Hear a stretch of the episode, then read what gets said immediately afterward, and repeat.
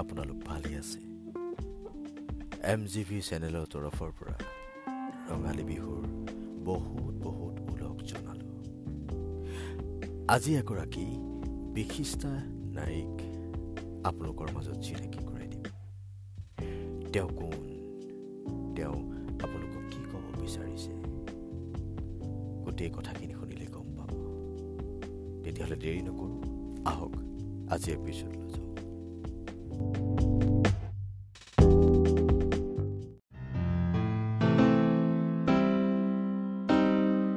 দৰ্শকসকল M G B চেনেললৈ আপোনালোকক স্বাগতম জনাইছোঁ। আজি এগৰাকী মহিয়সী নাৰীক আমন্ত্ৰণ কৰি আনিছোঁ। তেখেত হ'ল এগৰাকী সাহিত্যিক কবি লেখিকা সমাজ সেৱিকা সাংবাদিক তথা বৰঠাকুৰ আই এছ একাডেমীৰ C E O' Dona Barthakur বাইদেউ। আহকচোন তেওঁ মনৰ কথা জানো। এম জি বি চেনেললৈ আপোনাক স্বাগতম জনাইছোঁ। ধন্যবাদ। ময়ো তোমালোকক মানে মোৰ ফালৰ পৰা শুভকামনা জনাইছো। ধন্যবাদ। যিহেতু লকডাউন চলি আছে আমি ঘৰৰ পৰাই আপোনাৰ কিছু মনৰ কথা জানো আৰু দৰ্শকক বোলো অলপ কওঁ।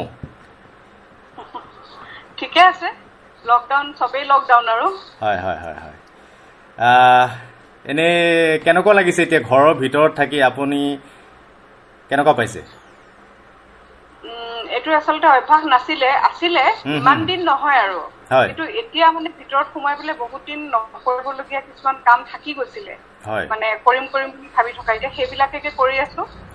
আমনিও লাগিছে কিন্তু আমনি লাগিলেও নিজৰ সুৰক্ষা সমাজৰ সুৰক্ষা দেশৰ সুৰক্ষাৰ স্বাৰ্থত আমি। সকলোৱে লকডাউন হৈ থাকিব লাগিব। হয়। আৰু বাকী এতিয়া আমি কিছু কথা আপোনাৰ জানো? নিশ্চয়। আপোনাৰ জন্মস্থান কোন জেগাত আছিল? মোৰ দেউতাই চাকৰি কৰিছিলে লখিমপুৰ জিলাৰ বিহপুৰীয়াত। হয় হয়। হা গতিকে মই তাতেই জন্ম হৈছিলো। লখিমপুৰৰ বিহপুৰীয়াত। আচ্ছা। তাতে ন? হয় হয় হয় আৰু আপোনাৰ স্কুলীয়া জীৱন আৰম্ভণি তাতে নেকি? স্কুলীয়া জীৱন মোৰ আৰম্ভণি ইয়াতে মানে মেট্ৰিকলৈকে মই বিহপুৰীয়াতে পঢ়িছো। হুম, হুম, হুম, তাৰ হুম। পিছতহে মই বাকীখিনি বেলেগে বেলেগে আৰু ঠিক ঠিক ঠিক ঠিক। আৰু আপোনাৰ হবি হিচাপে? কবি হিচাপে। Hobby hobby? কবি না না হবি হবি। অ, অ। Hobby hobby. অ হবি হবি। হবি। হবি মোৰ আহ, মই ফুৰি খুব ভাল পাওঁ। বিভিন্ন ঠাই চাই ভাল পাওঁ। তাৰ। লগত মই মানে লগত এখন কিতাপ থাকিলে আৰু ভাল হয়। কিতাপখন কিতাপ পঢ়ি মই খুব ভাল পাওঁ গতিকে কিতাপখন মোৰ অনবৰতে সংগী। আচ্ছা। সেইটো এটা হয়- আৰু তাৰপিছতে হবি তেনেকুৱা ধৰণৰ গান শুনি ভাল পাওঁ। সেইবিলাকে আৰু সৰু সুৰা। নাটক চাই ভাল পাওঁ বিশেষকৈ ভ্ৰাম্যমান বিলাক। সেইবিলাক। আৰু আপোনাৰ প্ৰিয় ৰং? মোৰ প্ৰিয় ৰং বহুত কেইটাই আছে ৰঙাটো ভাল পাওঁ। তাৰ লগত অপজিট ৰং বগাটো ভাল পাওঁ। ৰঙা আৰু ৰঙা আৰু বগা? বগা ৰঙা বগা। আৰু প্লাছ পিংক কালাৰ পিংক। গোলাপী ৰং। সুন্দৰ সুন্দৰ। আৰু আপোনাৰ প্ৰিয় খাদ্য? প্ৰিয় খাদ্য মই একচুৱেলি বইল খাই বেছি ভাল পাওঁ। আৰু স্প্ৰাউটছ বিলাক ভাল পাওঁ ফ্ৰুটছ ভাল পাওঁ। আৰু মাছৰ টেঙাটো ভাল পাওঁ। আৰু অসমীয়া আমাৰ যিবিলাক খাদ্য আছে কচু বিলাহী। আৰু কচু জালুকীয়া এনেকুৱা। ধৰণৰ বিভিন্ন বিলাক ভাল পাওঁ ট্ৰেডিশ্যনেল যিবিলাক আচ্ছা আচ্ছা আচ্ছা হয় হয় আপোনাৰ শৈশৱৰ কিবা স্মৃতি কিবা আছেনে মনত শৈশৱৰ স্মৃতি বুলি ক'লে বহুত কথাই আহে। কিন্তু শৈশৱ বুলি শৈশৱটো আচলতে মানুহৰ এটা খুব মিঠা অধ্যায় যিটো পাহৰিব পৰাটো নাযায়। তথাপি আমি যেতিয়া সৰু আছিলো। আমি য'ত আছিলো আমাৰ পিছফালে ডিক্ৰং নদীখন আছিল। ডিক্ৰং নদীৰ নাম নিশ্চয় শুনিছাই? গতিকে ডিক্ৰংখন আমাৰ পিছফালে আৰু আমাৰ ঘৰৰ গাতে লাগি আছিলে দুখন গাঁও এখন কছাৰী গাঁও এখন আহোম গাঁও। গতিকে তাৰ মানুহখিনি আমাৰ ঘৰলৈ আহি থাকে। আৰু যেতিয়া দেওবাৰৰ দিনটো মানে আমি বেছিকে ৰখি থাকো মই মানে আমাৰ ঘৰলৈ দুগৰাকী দুগৰাকী তেনেকুৱা আহোম গাঁৱৰ মানুহ আহে। তেওঁলোকে আমাক লৈ যায় নদীত সাঁতুৰিবলে। সেইটো এটা মানে বহুত মানে ভাল লগা এতিয়াও ভাবিলে ভাল লাগে।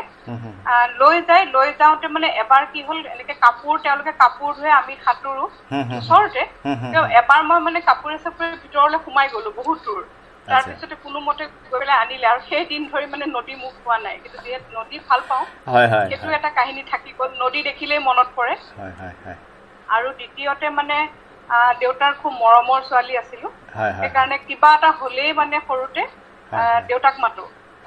মোৰ এনেকুৱা মানে ভাৱ দেখুৱাও যে। মানে দেউতাক এজনী আহি পেলাই মোক নেপাবই মই মৰিয়ে যাম। সেইটো সেইটো মানে দেখুৱাবৰ কাৰণে মই ইমানেই এক্টিং কৰো। মোৰ সেই। কথাবোৰ এতিয়া ভাবিলে হাঁহি উঠে।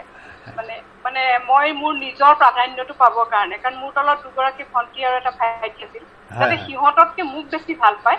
আৰু সেইটো কথাৰ কাৰণে বহুত তেনেকুৱা ধৰণৰ মেকিং কৰিছিলো তাৰমানে। কথা পুৰা মনত পৰিলে এইবিলাক মনত থাকি যায় আৰু। সেইবিলাক মনত থাকি যায়। আৰু কেতিয়াবা মনত পৰেও চাগে নহয় জানো বাৰু? মনত পৰে মই সেইটোৱে কলো। শৈশৱটো এটা আইনাৰ নিচিনা। তুমি। যিমান চাবা ঠিক ঠিক ঠিক। সেই আমি শৈশৱটো এৰি পেলাই আমি আগলৈ যাব নোৱাৰো। হয় হয় গতিকে সেই মানে প্ৰত্যেকৰে তোমাৰো চাগে নিশ্চয় শৈশৱৰ কথা মনত পৰে আৰু। যিমানে মনত পৰিব তুমি নষ্টালজিক যিমানে হবা সিমানে তোমাৰ মনটো ভাল লাগিব নিজৰ। ভিতৰতে তুমি অকলে এটা ইমান প্লেজাৰ পাবা নহয় হয়, সেই। বস্তুটোত মানে বেলেগক বুজাব নোৱাৰি হয় হয় হয় হয় আৰু আপোনাৰ কলেজীয়া জীৱন ক'ত হৈছিলে হেৰি মই মেট্ৰিক দিয়াৰ পিছত আমি তেজপুৰলৈ গুচি আহিছিলো। মোৰ দেউতাই তেজপুৰত ঘৰ বনাইছিলে।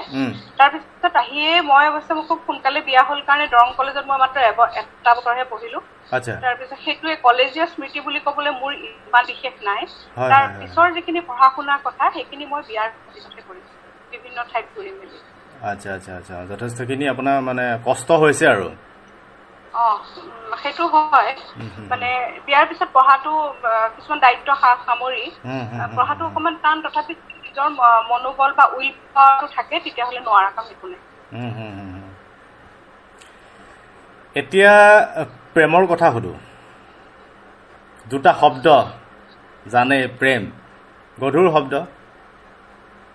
প্ৰেম হৈছিল নে আপোনাৰ কলেজীয়া জীৱনত বা তাৰ পিছতেই হওক আহ, প্ৰেম জীৱনলৈ নহাটোহে ডাঙৰ কথা আচৰিত কথা। আৰু যাৰ জীৱনলৈ প্ৰেম নামৰ এই শব্দটো অহা নাই। তেওঁ মই ক'বলৈ হলে সঁচাকৈয়ে তেওঁ বৰ দুৰ্ভাগ্যজনক ব্যক্তি বা ব্যক্তি।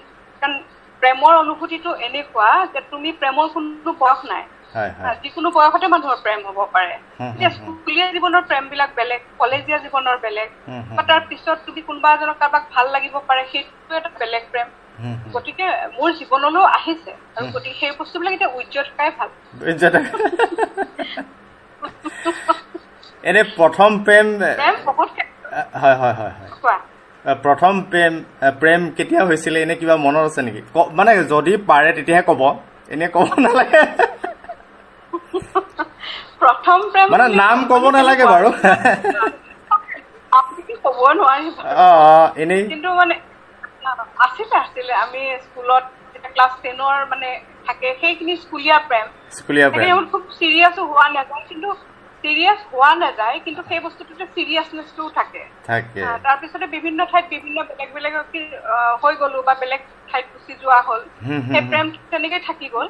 কেতিয়াবা ভাবিলে ভাল লাগে যে সঁচাকে প্ৰেম মানে সেই নাইন টেনৰ বয়সৰ পৰাই ল'ৰা ছোৱালীবিলাকৰ আৰম্ভ হয় আৰু আমাৰো সেইটো হয়। হয় হয় হয়। অ অ অ। হয় হয় হয়। তাৰপিছতে আপোনাৰ বিবাহ প্ৰেমৰ নে হেৰি হৈছিলে আপোনাৰ এৰেঞ্জ লাভ নে এৰেঞ্জ এইটো মানে কেনেকুৱা হ'ল এৰেঞ্জ এৰেঞ্জ বিয়াই। গতিকে কিন্তু বিয়াৰ আগত আমাৰ দেখা সাক্ষাৎ হৈছিলে। হয় হয় হয়। আহ, হোৱাৰ পিছত তেখেত তেখেতেও ইয়েছ কৰিছিলে আৰু তেখেতসকলৰ ঘৰৰ পৰাও ইয়েছ কৰিলে।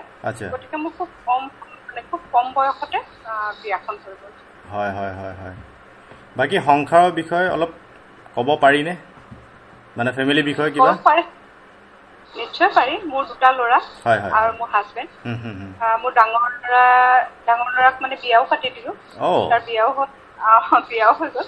আৰু সি সি চাকৰি কৰি সি কামৰূপ মেট্ৰৰ এতিয়া এক্সিকিউটিভ আৰু আৰু মোৰ বোৱাৰীও তাই ধুবুৰী চাপৰত থাকে তাইও এক্সিকিউটিভ খুব সুন্দৰ। শুভেচ্ছা থাকিল আমাৰ ফালৰ পৰা। বহুত ধন্যবাদ আৰু মোৰ সৰুটো ল'ৰাই বৰ্তমান ডিগ্ৰী ফাৰ্ষ্ট ইয়াৰ পঢ়ি আছে ডেৰাডুনত আৰু মোৰ হাজবেণ্ড তেখেত ৰিটায়াৰ কৰিলে। তেখেত সেৱাৰ বিষয়া আছিলে দিলীপ। এ, মানে মোৰ সংসাৰ চাবলৈ গ'লে এতিয়া সেয়াই আৰু। হয় হয় হয় হয়। যিহেতু আমি পেপাৰ পত্ৰে আপোনাৰ কবিতা আৰু লিখাবিলাক আমি পাই থাকোঁ আমাৰ দৰ্শকে আপোনাৰ লিখাবিলাক পঢ়ি থাকে খুব ভাল পায় আমিও ভাল পাওঁ। আৰু এতিয়া সুধো আপোনাৰ লিখাৰ মানে আৰম্ভণিটো কেতিয়াৰ পৰা হৈছিলে? আৰু মানে কিবা এটাতো কাৰণ থাকিব পাৰে ধৰি লওক কিবা এটা ইনস্পিৰেশ্যন এই কাৰণে লিখিছোঁ মই ধৰি লওক এনেকুৱা ধৰণৰ কিবা জনাব পাৰি নেকি? হয় হয় মোৰ দেউতা এজন সাহিত্যিক আছিলে। দেউতা শিশু সাহিত্যিক। আৰু সৰুৰ পৰাই এটা সেই তেনেকুৱা পৰিৱেশ পাইছিলো। যিহেতু মই দেখো ৰাতিপুৱা সদায় উঠি দেউতাই টেবুলখনত বহি পেলাই কিবা এটা হলেও লিখিবই। আৰু সেই কথাবিলাকে মোক খুব ইনস্পায়াৰ কৰিছিলে। আৰু মোৰ মানে মন আছিল যে মই দেউতাৰ নিচিনা হ'ম। দেউতাৰ নিচিনাকে লিখা মেলা কৰিম। দেউতা মোৰ জাৰ্ণলিষ্টো আছিলে। গতিকে মোৰ প্ৰথম ইনস্পিৰেশ্যন মোৰ প্ৰথম গুৰু মোৰ দেউতা। গতিকে সেই স্কুলীয়া জীৱনৰ পৰাই মই লিখা মেলা আৰম্ভ কৰিছিলো। স্কুলৰ। মেগাজিনত কৰিছিলো। বিভিন্ন পেপাৰে পত্ৰই মই লিখি আছো তেনেকে। খুব ভাল ভাল ভাল। আৰু মই অনুবাদ ভাল পাওঁ। কবিতা? লিখো কিন্তু কবিতাটো মই অনুবাদ কৰি ভাল পাওঁ। অনুবাদ অনুবাদ হয় হয় হয় হয় হয়। কৰি ভাল পাওঁ। হয় হয় হয়। আহ, আৰু কবিতা লিখা হয় কিন্তু কবিতা লিখো যদিও মানে খুব কম। হয় হয় মই সুধিম বুলি ভাবিছিলোঁ কবিতাৰ বিষয়ে অলপ। কবিতা এনেই কিবা আপোনাৰ মনত আছে নে? নিশ্চয় কিন্তু মই চাই পেলাইহে গাব একদম লাগিব একো নাই কোনো কথা নাই। মই মনত তেনেকে মুখস্থ নাই। আৰু। তুমি যিহেতু প্ৰেমৰ কথা সুধিছিলা। গতিকে মই এটা প্ৰেমৰ কবিতাই গাইছো একদম। সুন্দৰ। দৰ্শকো ভাল পাব। প্ৰেম যিহেতু মানুহৰ মাজত থাকে। আৰু এতিয়া বহাগ মাহ। কোৱাৰেণ্টাইনত মানে থাকিলেও মানুহবিলাক বা লকডাউন হৈ থাকিলেও আমাৰ প্ৰকৃতিটো সদায় আহিবই ঋতু আহিবই। গতিকে এতিয়া বহাগ বহাগ ঋতু। প্ৰেমৰে বতৰ। গতিকে এটা প্ৰেমৰ কবিতাই গাইছো মোৰ কবিতাটোৰ শিৰোনামটো আছিলে অপ্ৰাপ্তি। হয়। মানেনো কি কেনেদৰে হয়নো প্ৰেম? ওচৰত থাকিলেহে হয় নেকি প্ৰেম? স্পৰ্শ নহলে উন্মোষিত নহয় নেকি এই সাতৰঙী প্ৰেমৰ দুৱাৰ? নে একাজলি ভাল পোৱাৰ বাবে প্ৰয়োজন হাতত হাত থৈ দুচকুৰ ভাষা পঢ়াৰ একান্ত সময়? আকাশৰ জোনটো দেখোন বহুত দূৰত তোমাৰ অথবা মোৰ পৰা। তথাপিও জানো জোনৰ প্ৰতি দুৰ্বাৰ আমাৰ হেঁপাহ নাথাকে। বহু দুজন মাইল দূৰত থাকিও দেখোন আকুল হওঁ মায়াবী পোহৰৰ বাবে। এয়া জানো প্ৰেম নহয় স্পৰ্শ কিম্বা দূৰত্ব বাধা নেওচিও কাৰোবাক লৈ ভবা ভাৱবোৰে জানো ভাল পোৱা নহয়। অপ্ৰাপ্তি বুলি জানিও ইয়াক অনুভৱ কৰা হয় যাৰ অনুপস্থিতিও সঘন উপস্থিতিৰ কথা উমান পোৱা যায় সেয়াইতো কালজয়ী ভাল পোৱা য'ত অনুভৱ সৰ্বস্ব স্পৰ্শ মাত্ৰ গৌণ। খুব সুন্দৰ। ধন্যবাদ। আমাৰ দৰ্শকেও ভাল পাব বুলি আশা কৰিলোঁ কবিতাটো। মই ভাল পালে আহ, আদৰি ল'লে মই নিজৰে মোৰ আহ, লিখাটো সাৰ্থক হ'ব বুলি ভাবিম। হয় হয় হয় হয় হয়। বাইদেউ লিখা মেলাৰ উপৰিও আপুনি আৰু এটা অনুষ্ঠান চলাই আছে যিহেতু বৰঠাকুৰ আই এছ একাডেমি। খুব ভাল পদক্ষেপ এইটো। অসমৰ ৰাইজৰ কাৰণে খুব ভাল পদক্ষেপ মানে ভাল কাম কৰিছে ৰাইজৰ কাৰণে ভাল আপুনি পদক্ষেপ লৈছে। আৰু এই চিন্তাটো আপোনাৰ মানে কেতিয়া আহিলে ধৰি লওক মনত? এনেকুৱা এটা যে আমি কাম কৰিব লাগে এনেকুৱা এখন ইনষ্টিটিউট আমি খুলিব লাগে ৰাইজৰ ভাল হ'ব। তাতে আপুনি বহুত দুখীয়া ল'ৰা ছোৱালীকো সহায় কৰে আমি গম পাইছোঁ। হয়। মোৰ আচলতে মই প্ৰথমতে উল্লেখ কৰিছো মোৰ হাজবেণ্ডো মোৰ হাজবেণ্ডো এগৰাকী অসামৰিক সেৱাৰ বিষয়া আছিলে। হয় হয়। গতিকে মই তেখেতক দেখি থাকো বা তেনেকুৱা ধৰণৰ কথাবিলাকো দেখি থকা হয় বিভিন্ন ঠাইলৈ যোৱা হয়। আৰু মই তাত দেখিছিলো যে দিল্লীত যেনেকুৱা ধৰণৰ সুবিধা আছে এই কোচিংটোৰ কাৰণে। আমাৰ অসমত তেনেকুৱা ধৰণৰ সুবিধা নাই আৰু আছে যদিও। আহ, গৌণ মানে একদম নগণ্য। গতিকে সেই কথাটো মনত ভাবি পেলাই তেতিয়া মই ভাবিছিলো যে আমাৰ অসমত বহুত চোকা চোকা ল'ৰা ছোৱালী আছে। যিবিলাক ল'ৰা ছোৱালী হয়তো ফাইনেন্সিয়েল ভাৱে বহুত তেওঁলোক দুৰ্বল কিন্তু এটা এটা মনত হেঁপাহ আছে এজন অফিচাৰ হোৱা। গতিকে সেই কথাটো ভাবিয়ে মই বাজিৰাম ৰবি বা ৰাউজৰ যিমান ফিজ হয়। তাতকে আধাৰ আধাখিনি ফিজত মই গুৱাহাটীত ষ্টাৰ্ট কৰিছিলো। প্ৰথমতে দুহেজাৰ চৈধ্য চনত মই এইটো অনুষ্ঠান আৰম্ভ কৰিছিলো। আৰু মই মোৰ গান্ধী বস্তি যিটো ঘৰ আছে তাৰ তলৰ ফ্ল'ৰটোত মই আৰম্ভ কৰিছিলো। মাত্ৰ সাতজন ডেম' ষ্টুডেণ্টেৰে এইটো সেইখিনি সময়ত মানে মোৰ এটা মানে একদম কনফিউজন আছিল। এটা বহুত ৰিস্ক লৈ পেলাই আৰম্ভ কৰিছিলো। এনেকে কৰিম আহিব নে নাহে বহুত পাজুলত আছিলো। তাৰপিছত লাহে লাহে লাহে লাহে কথাখিনি ল'ৰা ছোৱালী বিলাকে গম পোৱা হ'ল। আৰু মই যিখিনি বিচাৰ আনিছিলো বা যিখিনি এতিয়ালৈকে কৰি আছো মানে। মই কোৱালিটিৰ লগত আচলতে কম্প্ৰমাইজটো কৰিবলৈ নিবিচাৰো ঠিক ঠিক ঠিক ঠিক আৰু কোৱালিটি মই এইকাৰণেই দিবলৈ বিচাৰিছো যে যিখিনি মই শিকাম মই ধৰক ছাপৰ্ট কৰিম আৰু তেওঁলোকে নিজৰ এফৰ্টত তেওঁলোক এজন এজন অফিচাৰ হৈ ওলাব। আৰু যিমানেই ভাল অফিচাৰ মোৰ তাৰ পৰা ওলাব মোৰ সিমানেই গৌৰৱ মোৰ। দেশখনৰ উন্নতি হ'ব মই এজন বাহিৰৰ অফিচাৰ আহি পেলাই ইয়াত যিমানখিনি কথা জানিব। কিন্তু আমাৰ ইয়াৰে এজন অফিচাৰে আমাৰ অসমৰ কথা বেছি ভালকৈ জানিব। অসমৰ মানুহৰ কথা অসমৰ ৰাইজৰ যিখিনি দুখ দুৰ্দশাৰ কথা সেই। কথাখিনি তেওঁলোকে বেছি অনুভৱ কৰিব আৰু। তেনেকুৱা ধৰণৰ সপোন বহুতৰে থাকে। তেনেকুৱা বহুত আছে যিবিলাকৰ বহুত দুখীয়া পৰাও আহিছে। তেওঁলোকৰ কাৰণে আমি বিশেষ কিছুমান ৰেহাই মানে ব্যৱস্থাও কৰিছো। তেনেকুৱা হয় তেনেকুৱাকে আমাৰ এতিয়া তেনেকে আমি আগবাঢ়ি গৈ আছো আৰু। বঢ়িয়া বঢ়িয়া বঢ়িয়া। এই বস্তুটো ভাল লাগিছে আমাৰো ভাল লাগিছে আৰু বহুতো উপকৃত হৈছে। কাৰণ যিহেতু এই চিন্তাটো ধৰি লওক অসমৰ বাহিৰৰ মানুহ এজনে অসমৰ ভিতৰৰ কথা সিমান নাজানিব বা অসমৰ মানুহৰ মনৰ কথা নাজানিব অসমৰ পৰিৱেশ পৰিস্থিতি এই বস্তু নাজানিব। আপুনি যে এই চিন্তাটো কৰিছে মানে আপোনালোকে যিটো চিন্তা কৰিছে খুব ডাঙৰ মানে চিন্তা আৰু ভাল চিন্তা আৰু আমি গম পাইছোঁ আপোনাৰ আপোনাৰ তাৰ পৰা ভাল ৰিজাল্টটো ভাল খুব মানে ভাল ভাল ল'ৰা ছোৱালী ওলাইছে হয় হয়, হয়। হয়, হয়, তাতে হয়। যেতিয়া আহে আহি পেলাই যেতিয়া মোক মাতষাৰ লগাই হয়, হয়। সেইটোতকে ডাঙৰ আনন্দ একো নাই ইমান এটা ৰেচপেক্ট ঠিক, দি ঠিক, পেলাই ঠিক। যেতিয়া এজন অফিচাৰে আহি পেলাই মাতিব অভিয়াছলি নিজৰে মানে গৌৰৱত বুকুখন ফুলি যায় এহাত গতিকে। বহুত ভাল লাগে আৰু মই ভৱিষ্যতেও আমাৰ তাৰ পৰা যেনেকে হওক। মানুহ মানে মানে অফিচাৰ ওলোৱাটো মই বিচাৰি আছো। খুব ভাল লাগিল আৰু আমাৰ ফালৰ পৰা বহুত শুভেচ্ছা থাকিল। বৰঠাকুৰ আই এছ একাডেমি অসমৰ নহয় ভাৰতবৰ্ষৰ ভিতৰত হা ভাৰতবৰ্ষৰ ভিতৰত এটা নাম জ্বলা হওক আৰু ভৱিষ্যতে বিশ্ব দৰবাৰত জিলিকি উঠক বহুত ধন্যবাদ বৰ বৰ ভাল লাগিছে আৰু তেনেকে যত্ন কৰি যাম। ইতিমধ্যে গুৱাহাটীত আমি তিনিটা চেণ্টাৰ খুলিছো। আৰু যোৰহাটতো এটা মোৰ আছে। আৰু। এটা মোৰ ৰাজস্থানৰ জয়পুৰত। মই তাত আৰম্ভ কৰিছো। খুব সুন্দৰ। সেই তেনেকে তেনেকে আগবাঢ়ি গৈ আছো আৰু ভগৱানৰ কৃপাত। হয়, ৰাইজৰ হয়। সহযোগত। একদম। আৰু আমি ভাল পাইছোঁ। এটুপ এটুপ কৰি সাগৰ যেনেকৈ হয় আপোনাৰ সেই আপুনি যিটো পৰীক্ষামূলক হিচাপে দুজন ছজনৰ যিটো মানে এক্সপেৰিমেণ্ট কৰিছিলে তাৰ পৰাই আজি ধৰি লওক বিভিন্ন বিভিন্ন জেগাত হৈছে।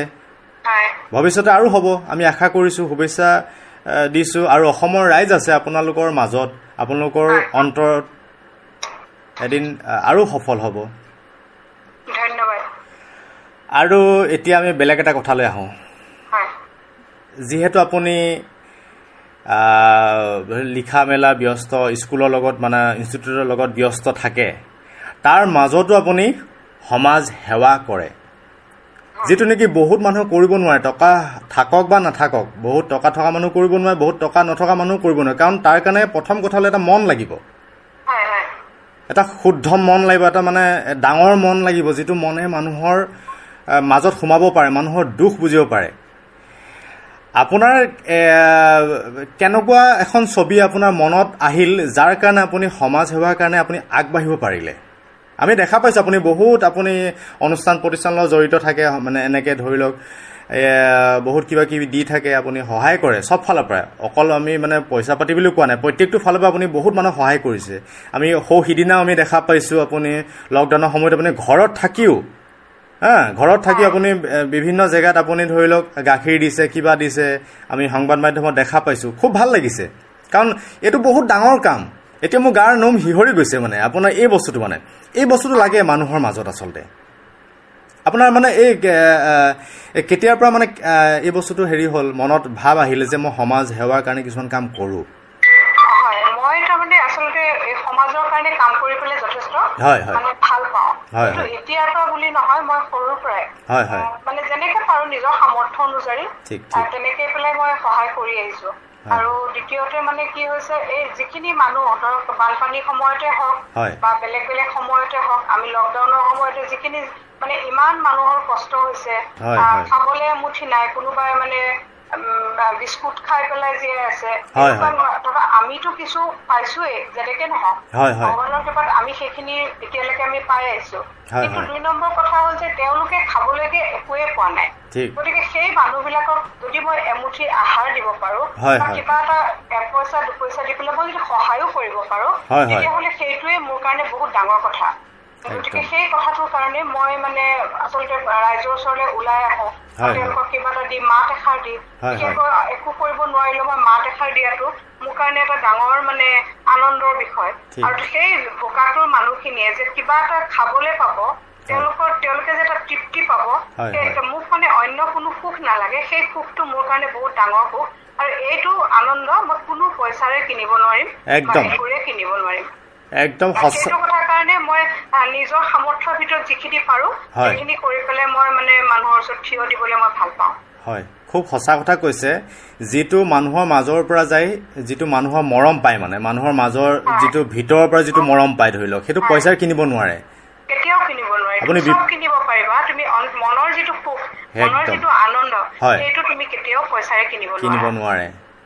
খুব ভাল লাগিছে আপোনাৰ কথাবিলাক আৰু এইটো এটা মানে খুব প্ৰেৰণামূলক কথা। আৰু বিচাৰো মানে বহুত মানুহৰ পইচা আছে তেওঁলোকে অকমান অলপ হৈ পেলাই দি পেলাই হলেও যদি মানুহক সহায় কৰে কৰে। মানুহক এমুঠি খাবলৈ যদি তেওঁলোকক এটা এটা দিনত এসাঁজ হলেও যদি খাবলৈ পায়। তেতিয়া আমি অকনমান পইচা দি পেলাই বা কিবা এটা দি আমি কিয় সহায় কৰিব নোৱাৰো একদম সহায় আমিতো তেনেকুৱা ধৰণৰ বহুত বহুত পইচা ধৰক আমি কাপোৰ কানি কিনাত খৰচ কৰো বাহিৰলৈ যোৱাত খৰচ কৰো লাহ বিলাহ অত্যন্তত খৰচ কৰো হোটেলত খৰচ কৰো বজাৰত খৰচ কৰো কিন্তু তাৰ পৰা যদি এটা এভাগ এশ ভাগৰ যদি এভাগো আমি কাৰোবাক দি পেলাই কিবা এটা উপকাৰ কৰিব পাৰো হয়। সেইটোতকৈ ডাঙৰ কথা জানো কিবা হ'ব পাৰে? একদম একদম সঁচা কথা কৈছে। তাতকৈ আৰু একো নাই পৃথিৱীত। সেইটোৱে। আৰু আমি থাকিম কেতিয়া কিমান দিন? কোনেওতো নাজানে। নহয় জানো বাৰু সেইটোৱে সেইটোৱে গতিকে কিবা এটা কৰি থৈ যাব পাৰিলে Yes. আহ, নিজৰে ভাল লাগে নিজৰ ভাল লাগিব ঠিক ঠিক ঠিক এতিয়া আহোঁ যিহেতু আমি গান আপুনিও শুনি ভাল পায় ময়ো শুনি ভাল পাওঁ কেতিয়াবা আপুনি এনেই গুণগুণাইনে এনে গুণ গুণাও কিন্তু মোক গান গাবলৈ নকবা মই আচলতে মই শ্ৰোতাহে হয় নেকি? গান অ গান মানে শুনিবলৈতো মানুহক শ্ৰোতা লাগিব লাগিব? লাগিব, অ, লাগিব। গতিকে মই কিন্তু গান শুনিহে ভাল পাওঁ হয় নেকি বাৰু যি কি নহওক ৰাজনীতিৰ বিষয়ে আপোনাৰ কিবা মতামত ৰাজনীতিৰ বিষয়ে একো মতামত নাই ৰাজনীতি মই ভাল পায়। এইখন মানে মোৰ মোৰ কাৰণে একদম নতুন পথাৰ। বিশাল পথাৰ। গতিকে তাত মই জাষ্ট জাষ্ট এটা খোজহে পেলাইছো গতিকে এতিয়ালৈকে মই ৰাজনীতিৰ বিষয়ে ক'ব পৰা অভিজ্ঞ একো হোৱা নাই গতিকে কৰি যাওঁ মানে দেশটোৰ কাৰণে দেশৰ কাৰণে দলৰ কাৰণে। যিমানখিনি পাৰো কৰি যাম নিস্বাৰ্থভাৱে। তাৰপিছত যেতিয়া ক'ব পৰা হ'মগৈ তেতিয়া বাৰু আপোনাক আকৌ এবাৰ ক'ম একদম আমিতো লগ পাই থাকিম আপোনাৰ ধৰি লওক মনৰ কথা জানিম দৰ্শকো আমি জনাম এনেই ধৰি লওক মই ভাবিছোঁ হা কালি এটা ধৰি লওক আপোনাৰ ধৰি লওক তেজপুৰ হওক বা তিনিচুকীয়াত ধৰি লওক হা। মানে বেলেগ কোনো এনে সমালোচনা নহয় কোনো হেৰি নহয় ধৰি লওক। আপোনাক আমি নিৰ্বাচন কৰি পঠালোঁ। হা মইতো কালি সিদ্ধাৰ্থ শৰ্মাকো এইটো প্ৰশ্ন কৰিছোঁ ধৰি লওক ঠিক আছে? সেই আমি ধৰি লওক আপোনাক নিৰ্বাচন কৰি পঠালোঁ আপুনি ধৰি লওক সেই মানে সেই জেগাৰ আপুনি এগৰাকী এম এল এ হ'ল। আপুনি প্ৰথমে ধৰি লওক কেনেকুৱা ধৰণৰ সমস্যা সমাধান কৰিম বুলি ভাবিব বা ধৰি লওক কি কৰিব পাৰিব? কেনেকুৱা ধৰণৰ কিবা চিন্তা? যদি মই তেনেকুৱা ধৰণৰ কিবা এটা হয় বা কৰিবলৈ বিচাৰো। তেতিয়াহ'লে প্ৰথমতে মই সেই মানুহখিনি তেওঁলোকৰ আৰ্থিক অনাটন কিহৰ কাৰণে হৈছে। তেওঁলোকৰ কি খিনি সমস্যা আছে সেইখিনি প্ৰথমতে মই বুজিবলৈ যত্ন কৰিম। তেওঁলোকৰ মাজত গৈ পেলাই তাৰ পিছত ষ্টেপ ৱাইজ মই কেনেকে সমাধান কৰিব পাৰো। সেই বস্তুটো মই সকলোৰে লগত আলোচনা কৰি কৰিম নিজাববীয়াকেতো কোনো কোনোৱে একো সিদ্ধান্ত ল'ব নোৱাৰে। গতিকে সেই বস্তুখিনি মই প্ৰথমতে ষ্টাডি কৰিব লাগিব। আৰু মই ষ্টাডিটো মই ঘৰৰ পৰা বহি বা মই ক'ৰবাত দিছপুৰৰ পৰা বহি পেলাই নহয় হয়, মই। সেই অন স্পট গৈ পেলাই মই সেই মানুহৰ মাজত সোমাই পেলাই মই চাব লাগিব। তেওঁলোকৰ সমস্যাখিনি কি কি। আৰু সেইখিনি কিমান জেনুইন সমস্যা গতিকে। সেইখিনি প্ৰথম মোৰ কাম হ'ব মানুহৰ সমস্যাখিনি দূৰ কৰা আৰু। এটা কথা হয় মানুহৰ অভাৱ অসীম সমস্যাও বহুত। কিন্তু চব কথা আমি মানে সমস্যা সমাধান কৰিব নোৱাৰো। কিন্তু তাৰ ভিতৰত যিখিনি নহলে মানুহৰ নহয়। সেইখিনি সমস্যা মোৰ সমাধান কৰিবলৈ যত্ন কৰিম। মই মোৰ নিজৰ সকলো শক্তি সামৰ্থ্য লগাই হলো। খুব সুন্দৰ সুন্দ- সুন্দৰ কথা কৈছে আপুনি। হয়, ধন্যবাদ।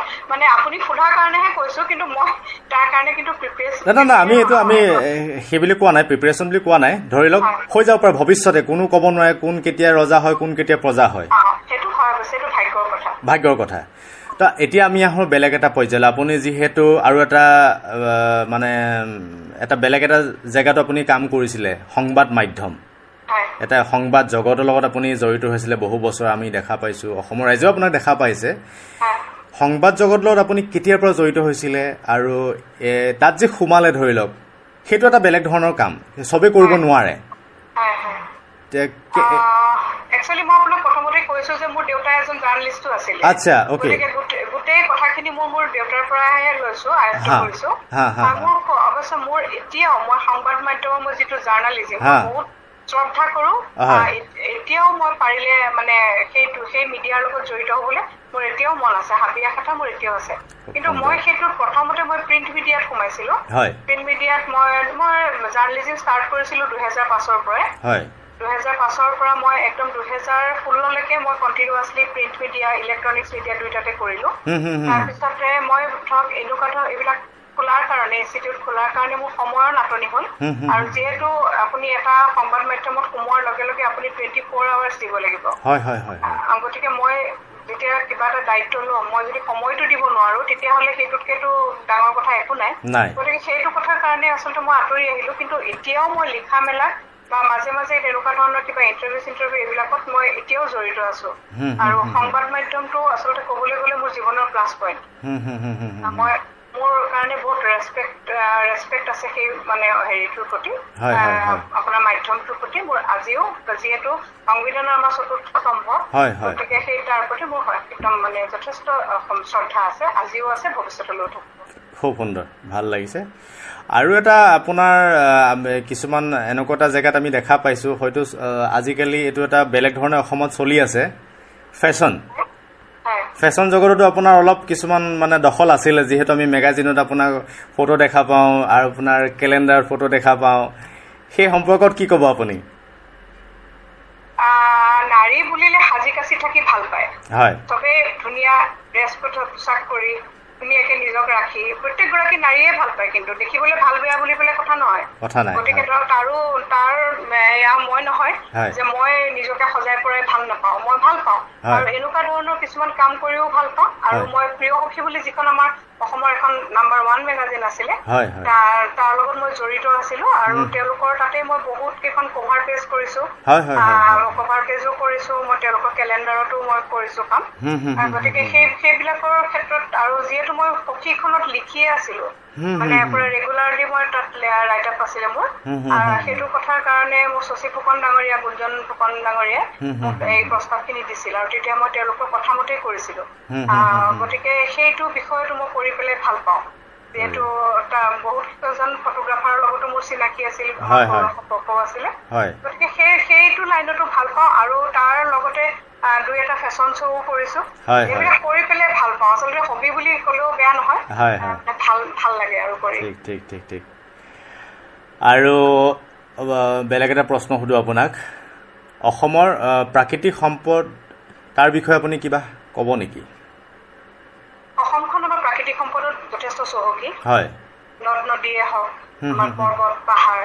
গছ আপোনাৰ হাবি বা আমাৰ যিখিনি ফৰেষ্ট আছে জীৱ জন্তু আছে আমি সকলোতে আচলতে প্ৰাকৃতিকভাৱে বহুত আমি চহকী। ঐতিহ্যবিলাকতো আমি বহুত চহকী। কিন্তু এতিয়া কি হৈছে আমাৰ পৰিৱেশবিলাক সলনি হৈছে। চবেই মানে এনেকুৱা হৈ গৈছে যে গুৱাহাটীমুখী হৈছে। আপোনালোকে নিশ্চয় দেখিছে পাহাৰ পৰ্বতবিলাক কাটি গোটেই শেষ কৰিছে জংঘল নাইকিয়া হৈছে তাৰ- ফলত ভৌগোলিক পৰিৱেশটো আমাৰ সলনি হৈ গৈছে গতিকে মই ভাবো যে প্ৰত্যেকজনেই আচলতে আমাৰ এই প্ৰাকৃতিক যিবিলাক সম্পদ আছে। সেইখিনি আমি সুৰক্ষিত কৰিবলৈ যত্ন কৰিব লাগে আৰু প্ৰত্যেকটো আমাৰ যি আমাৰ সম্পদ প্ৰাকৃতিক সম্পদ আছে। যেনে ধৰক আমাৰ ৰাষ্ট্ৰীয় সম্পদ গড়টোৱেই। গতিকে আমি তেনেকুৱা ধৰণৰ বন্যপ্ৰাণীকো আমি সুৰক্ষা দিবলৈ আমি প্ৰত্যেকেই অকল যে চৰকাৰেহে কৰিব বা বেলেগে কৰিব সেইটো নহয়। আমি প্ৰত্যেকজন নাগৰিকে এজন সচেতন সচেতন নাগৰিক হিচাপে। আমি প্ৰত্যেকে প্ৰাকৃতিক সম্পদ আমি ৰক্ষা কৰিবলৈ আমি কিন্তু আগবাঢ়ি আহিব লাগিব। নহলে হয়তো আমাৰ ইমানেই বেয়া হ'বগৈ একোৱেই নথকা হ'ব আমাৰ নিজৰ বুলি ক'বলৈ। খুব সুন্দৰ কথা কৈছে দৰ্শকসকল। এবাৰ কথাটো ভালকৈ ভাবি চাব। অকল চৰকাৰে বুলি নহয় আমি সকলোৱে চিন্তা কৰিব লাগিব। তেতিয়াহে আমাৰ অসমখন জীয়াই থাকিব। সুন্দৰ হয় হয় হয় ঠিক কথা সুন্দৰ কথা কৈছে। আৰু আমি এতিয়া বেলেগ এটা কথাত আহোঁ হা। অকণমান পাৰ্চনেল এই ভয় খাব নালাগে। অলপ মানে দৰ্শকো চাগে আচৰিত পাইছে কি কথা সুধিব এতিয়া। মই অলপ বেলেগ ধৰণৰ কথা এটা সুধিম। কি কথাই আপোনাক বাৰে বাৰে আমনি কৰে? অলপ জটিল নেকি প্ৰশ্নটো। বাৰু? কি কথাই আপোনাক বাৰে বাৰে আমনি কৰে উম, এইটো আপুনি বহুত টান প্ৰশ্ন এতিয়া মই আমনি কৰে বুলি হ'বলৈ হ'লে বহুত কথা ভাবিব বিভিন্ন। কথা হ'ব পাৰে। আপোনাৰ ধৰি লওক নহয় কিছুমান মানুহৰ হেৰি থাকেতো কি কথাই আপোনাক বাৰে বাৰে আমনি কৰে। উম, কি ক'ম? মই একচুৱেলি আকৌ আকৌ উল্লেখ কৰোঁ। মই মোৰ দেউতাক খুব ভাল পাইছিলোঁ। দেউতাৰ অৱৰ্তমানটো মই এতিয়াও মানে মানি ল'ব নোৱাৰোঁ। সেই কথাটোৱে মোক খুব দুখ দিয়ে আজিও মোৰ মানে আমনি কৰে। আৰু তেনেকে ধৰক মই মোৰ জীৱনৰ কিছুমান বহুত বিশেষ বিশেষ মুহূৰ্ত মই এৰি থৈ আহিছোঁ যিবিলাকক মই পাব নোৱাৰোঁ ঘূৰাই। কিন্তু সেই কথাবিলাকে মোক আমনি কৰে। আৰু হয়তো কিছুমান কাম কৰিম বুলি ভাবি থৈছো সেই কামবোৰো হোৱা নাই সেই বস্তুবিলাকেও মোক আমনি কৰে। তেনেকুৱা বিভিন্ন সময়ত বিভিন্ন কথাই আমনি কৰে। হয় হয়। দেউতালৈ আমি ইয়াৰ পৰাই প্ৰণাম জনাইছোঁ। তেওঁ য'তে আছে ভালেই থাকক কুশলে থাকক। আৰু আৰু এটা কথা এইটো ভাল কথা দেই। এইটো মানে অন্তৰত দুখ দিয়া কথা নহয়। কি কথাই আপোনাক ভাল লগায়? মই মোৰ ভাল লাগে কি কথাই যে যেতিয়া মই কোনো কাৰোবাক সহায় কৰিবলৈ গলো যেতিয়া সেই মানুহবিলাকৰ মুখখনত এটা হাঁহি দেখিলো। কাৰোবাক মই কিবা এটা দিছো দিওঁতে সেই মানুহজনে খুব আন্তৰিকতাৰে বস্তুটো লৈছে। বা মোক এটা ধন্যবাদ জনাইছে বা নিদিলেও কথা নাই ধন্যবাদ। কিন্তু সেই মুখত ফুটি উঠা যিটো আনন্দ সেই। আনন্দটোৰ সমান মানে মোক সেই বস্তুটো ইমানেই ভাল লগায় হয়, যে মোৰ অন্য কথা চব তল পৰে তাৰ উপৰিও আমি সচৰাচৰ যিবিলাক বস্তুৰে ভাল লাগে। কোনোবাখনত ক'ৰবাত গ'লো কিবা এটা দেখি ভাল লাগিলে সেইটো বস্তুৱে অলপ সময়লৈ মনটো অভিভূত কৰি ৰাখিলে কিবা এটা বস্তু ক'ৰবাত মানে হঠাৎ ভাবি আছো পটককে বস্তুটো পাই গলো। সেই বস্তুটো অভিভূত কৰি তোলে। তেনেকুৱা। তেনেকুৱা বহুত বহুত ক্ষেত্ৰত বহুত বহুত কথাই অভিভূত কৰি। ৰাখে বঢ়িয়া। খুব ভাল কথা কৈছে। এতিয়া আৰু এটা বেলেগ ধৰণৰ কথা। কি কথাই আপোনাক খুব খং মানে উঠায়? খং মানে মই ঘৰতে খং উঠে যেতিয়া। মানে কথাবিলাক মানে অলপ চিজিল কৰি থলে কোনোবাই পেলাই লেতেৰা কৰিলে মই বেয়া পাওঁ সেইটো বাৰু মাইকী মানুহ থাকেই নহয় জানো সেইটো থাকেই তাৰপিছতে কিবা এটা কথা কৈ আছো এওঁক মই কিবা এটা কথা কলো শুনি পেলাই আকৌ যদি উল্টাই কথাটো কওঁ অ কি আছিল কোৱাচোন। কথাত খং উঠে হয়। ইগনৰ হৈ মানে কৰিছে বুলি হয়, হয়। তেনেকুৱা ধৰণৰ কথা আৰু সৰু সুৰা আৰু বৰ বিশেষ ইমান খং নুঠে কিন্তু মোৰ খং যেতিয়া উঠে হয়। সেই বস্তুটো মানে দমাবলৈ বহুত দিগদাৰ গতিকে পৰাপক্ষত মই খংটো নুঠাকে থকাটোৱে মই ভাল পাওঁ ঠিক ঠিক ঠিক। এনেও আপুনি অকণমান হাঁহিমুখীয়া খুব ভাল আৰু সেইকাৰণে মানুহে খুব ভাল পায় আপোনাক। মুখত হাঁহিটো থাকে আপোনাৰ। নাজানো নহয়, মানে ভাল লাগে আৰু কিমাননো এ- এইটোৱে জীৱন ঠিক কচুপাতৰ ঠিক পানী এই হয় আছো হয় এই নাই হয় হয় হয়। গতিকে যিখিনি সময় থাকো হাঁহি মাতি চবৰে লগতে ঠিক, আহ, ঠিক, ফূৰ্তি ঠিক। ফাৰ্তা কৰি চবকে আপোন বুলি ভাবি হয়। তেনেকে পেলাই মানে থাকিবলৈ বিচাৰো। আৰু হাঁহিতকৈ বেলেগ বস্তু একো নাই। হাঁহি হ'ল মহৌষধ। হাঁহিব নজনা মানুহৰ নিচিনা মানে কৃপণ মানুহ নাই তেওঁ বহুত। থাকিব পাৰে কিন্তু যদি হাঁহিটোৱে নাই তেওঁ জীৱনটো কি উপভোগ কৰিব? ঠিক ঠিক একোৱেতো উপভোগ কৰিব নোৱাৰিব। ঠিক ঠিক। তোমাৰ যিমান দুখতো তুমি হাঁহি থাকিব পাৰিবা সিমানেই সুখী অনুভৱ হ'ব। সিমানে সুখী অনুভৱ কৰিব। হয় হয় হয়। আপোনাৰ সফলতাৰ আঁৰত কোন আছে ক'ব পাৰিনে? মই এতিয়ালৈকে ইমান একো সফল হোৱা নাই। বহুত দূৰ আছে চাবলে। তথাপি? তথাপিও আছে। মই মোৰ ঘৰখনৰ কথাই ক'ম মোৰ দুটা ল'ৰা মোৰ বোৱাৰীজনীও। বহুত ছাপৰ্টিভ সিহঁতে। আৰু মোৰ হাজবেণ্ড বহুত ছাপৰ্টিভ হুম। আৰু গতিকে তেওঁলোকে মই কিবা এটা কৰোঁ বুলি ক'লে তেওঁলোকে কেতিয়াও আজিলৈকে না কৰা নাই।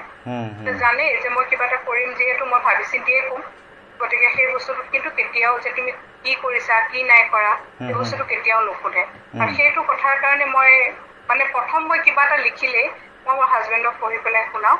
তেওঁ ইমানেই এনকাৰেজ কৰে আৰু তাৰ পিছৰখিনিত মানে মোৰ মানে ভাল লাগি যায় যে মই বেয়া হ'লেও বস্তুটো তেওঁ মোক ভাল বুলিয়ে কয় আৰু হয়তো ক'ৰবাত ফুট ৰখি যায় তেতিয়া কিন্তু তেওঁ মোক একেবাৰে ধুনীয়াকৈ বস্তুটো বুজাই দিয়ে। গতিকে মই ক'ব লাগিব যে প্ৰত্যেকৰে পিছত সফলতাৰ কিবা এটা নহয় কিবা এটা থাকে মই। মোৰ ঘৰখন বুলি ক'ম। যদিও মই কিন্তু একো সফল এতিয়ালৈকে হোৱা নাই। হৈছে আমি ভাবোঁ আপুনি সফল হৈছে।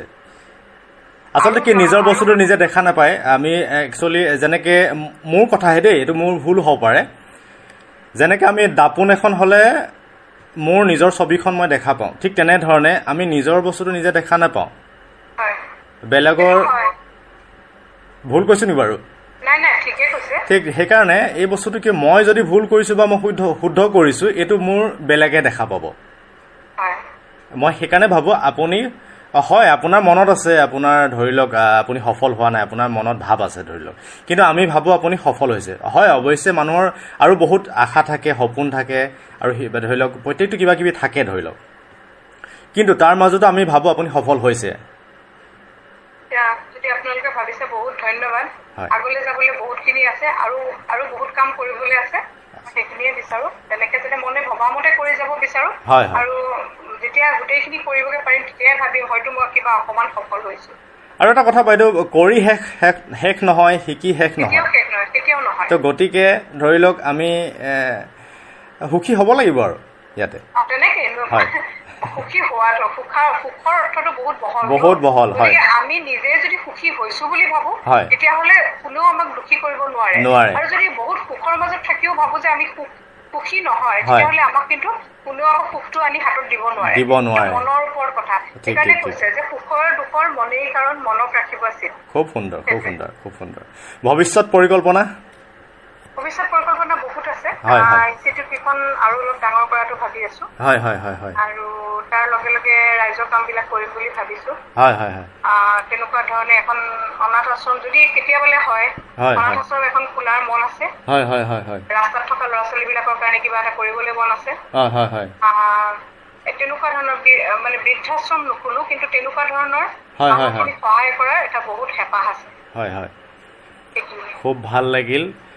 আপোনাৰ মনৰ কথা জানিলোঁ দৰ্শকেও গম পালে। আৰু আপুনি আৰু আগুৱাই যাওক।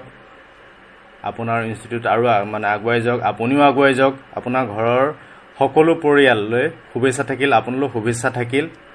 ভৱিষ্যতে আকৌ লগ পাম। নিশ্চয় লগ পাম। আপোনালোকলৈও মোৰ যথেষ্ট আহ, অন্তৰৰ শুভকামনা শুভেচ্ছা সকলো দিলোঁ। অঁ, তাৰ আৰু এটা কথা থাকি গৈছিলে। যিহেতু আমাৰ ৰঙালী বিহু আহি আছে বিহু শুভেচ্ছাটো জনালোঁ যদিও আমি পাতিব নোৱাৰোঁ তথাপিও ইয়াৰ পৰাই আমি শুভেচ্ছা জনালোঁ ময়ো জনাইছো বিহু আমাৰ প্ৰত্যেক বছৰে আহিব কুলি কেতেকীয়ে মাতিবই এইবাৰ হয়। আমি ধৰক ঘৰৰ ভিতৰত আছো অহা বছৰ সেইটো হয় আমি সদায় সম্পদ আমি আমি সদায় ভাল বুলি আশা কৰি থাকিব লাগে হয় গতিকে এইবাৰ আমি ঘৰৰ ভিতৰত থাকি হলেও প্ৰ- প্ৰত্যেকগৰাকী অসমীয়ালে হয়। মই মোৰ ইয়াৰ আৰু আপোনালোকৰ মাধ্যমেৰে। মই মোৰ অন্তৰৰ শুভকামনা মানে ৰঙালীৰ শুভকামনা জনালো হয়। আপোনালোকলৈও থাকিল ধন্যবাদ সকলোৰে হয় মই ধন্যবাদ দিম ঠিক আছে থেংক ইউ। প্ৰিয় বন্ধুসকল এয়া আছিল ডনা বৰঠাকুৰ বাইদেউ। আমি প্ৰত্যেক দিনাই বিভিন্ন ব্যক্তিক আপোনালোকৰ মাজত লৈ আহিম। তো গতিকে চাই থাকিব আমাৰ চেনেলটো ছাবস্ক্ৰাইব কৰিব। লগতে ঘৰত থাকিব সুৰক্ষিত থাকিব। আজিলৈ আৰু ধন্যবাদ।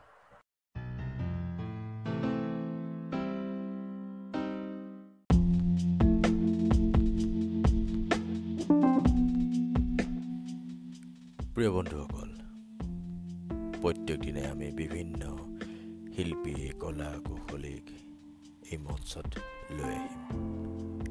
গতিকে আপোনালোকে শুনি থাকিব। আৰু লগতে আমাৰ এটা ইউটিউব চেনেল আছে এম জি ভি বুলি চাৰ্চ কৰিলে ইউটিউবত পাব। চেনেলটো ছাবস্ক্ৰাইব কৰিব। ভিডিঅ'বিলাক চাব কমেণ্ট কৰিব শ্বেয়াৰ কৰিব। ঘৰত থাকক সুৰক্ষিত থাকক। আজিলৈ আৰু ধন্যবাদ।